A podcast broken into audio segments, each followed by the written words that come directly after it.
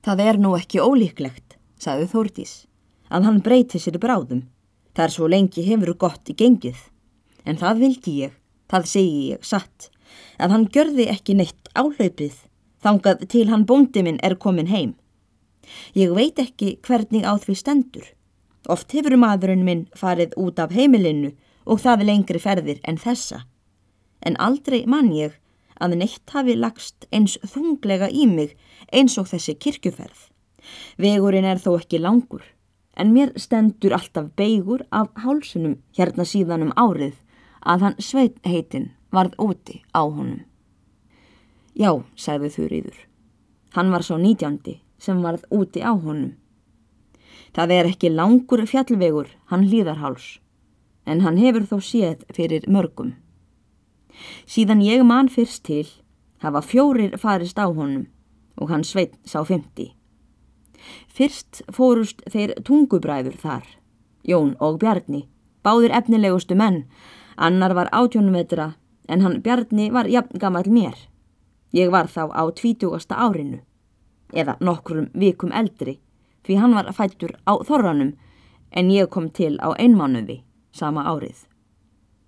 Þeir fóru syngt á stað og ætluðu hér yfir í dal, en þegar þeir komu upp á hálsin skeldi á þá austurnorðan bil, svo þeir viltust, en heldu sér of mikið vestur á og hröpuðu ofan í glúfrin á Íllagilunu og þar fundust þeir fáum dögum síðar.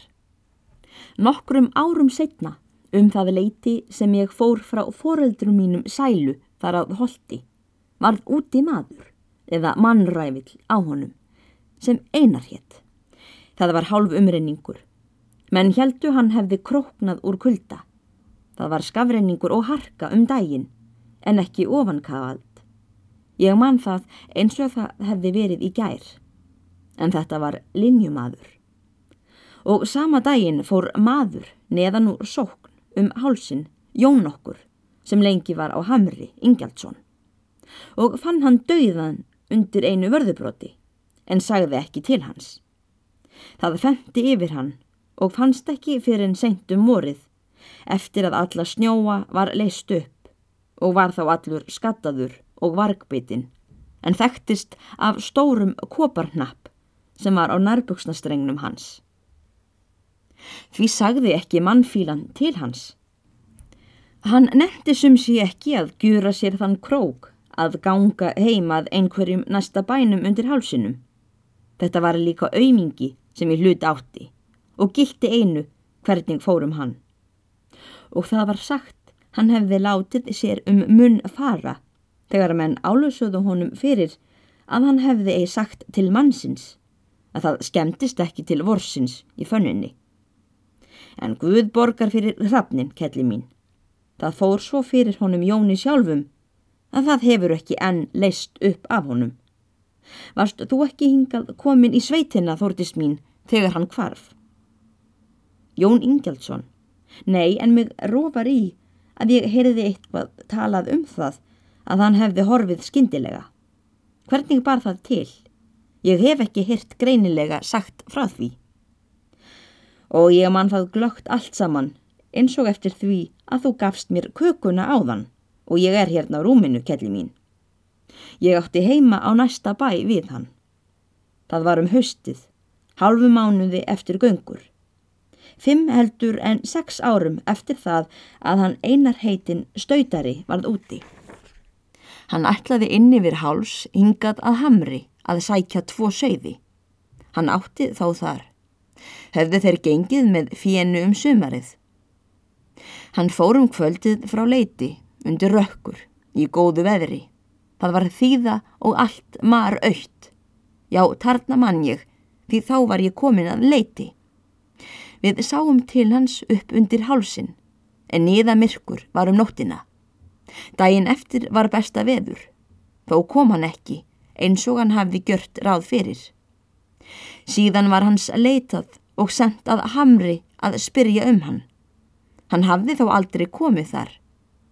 Þeir leituði eftir honum í þrjá daga, tuttugu manns allstaðar að þar sem nokkuru manni kom í hug. En fundu hann ekki. En hatturinn hans og annar vettlingurinn fannst undir sama vörðubrótinu sem hann einar stautari kroknaði undir. Það var undarlegt.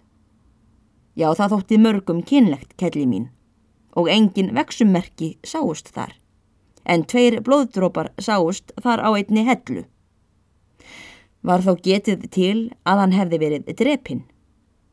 Nei, engin gat þess til að nokkur lifandi maður hefði grandað honum. En á þá leið dremdi hann að móður hans hann sem að það myndi ekki þurfa að leita að honum. Það er margt undarlegt sem við ber. Ég hef líka heyrt annan viðburð svipaðan þessu. En Guð hjálpi mér. Hví sýrtir svona allt í einu á gluggan?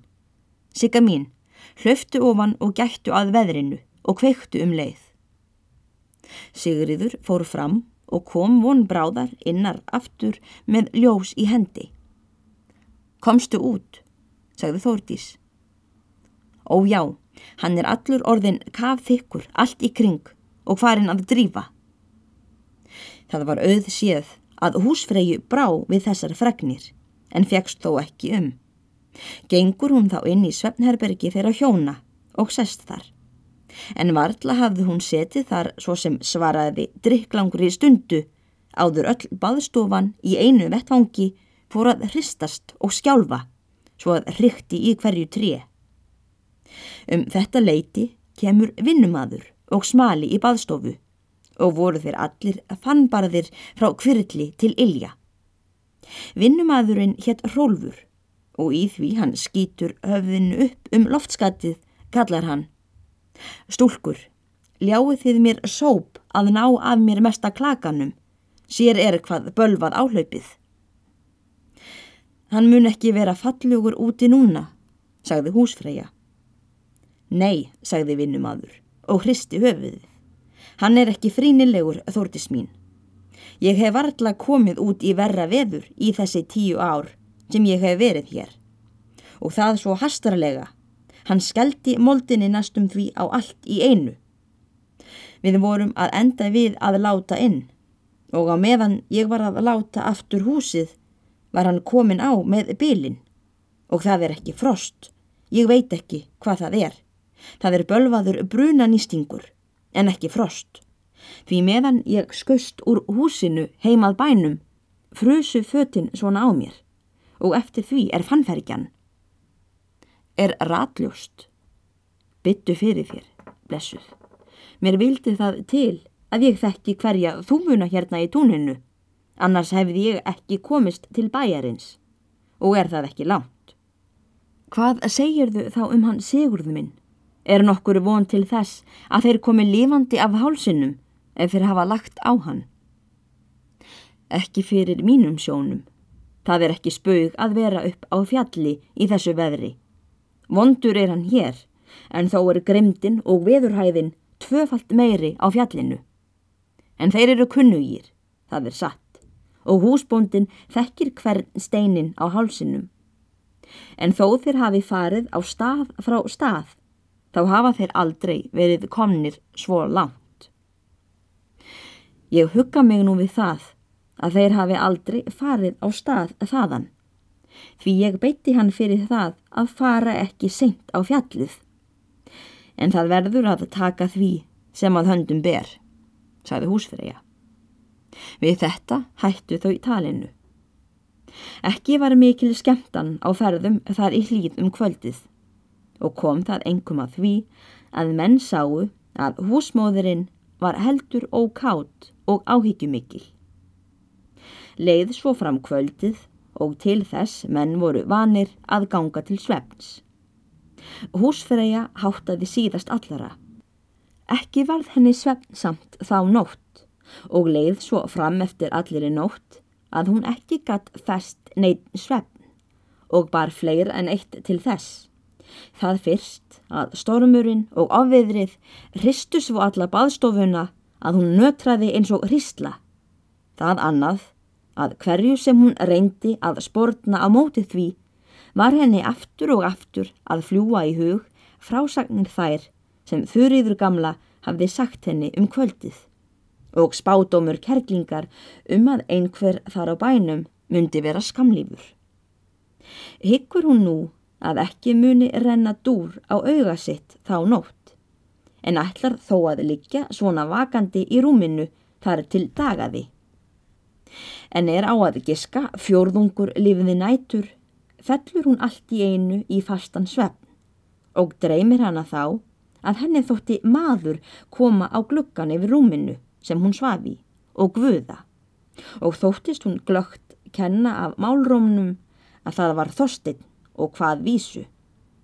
Og við það rökk hún upp og hefur hún svo frásagt að henni heyrðist í því hún vaknaði sem einhver rendi sér ofan baðstofulíðina og hefði það verið því líkast sem blöyt húð var í dreygin ofan eftir þekjunni. Hún myndi vísuna sem hvefin var fyrir henni og þótti henni sem hún heyrði eimin af síðustu hendingunni í því hún vaknaði.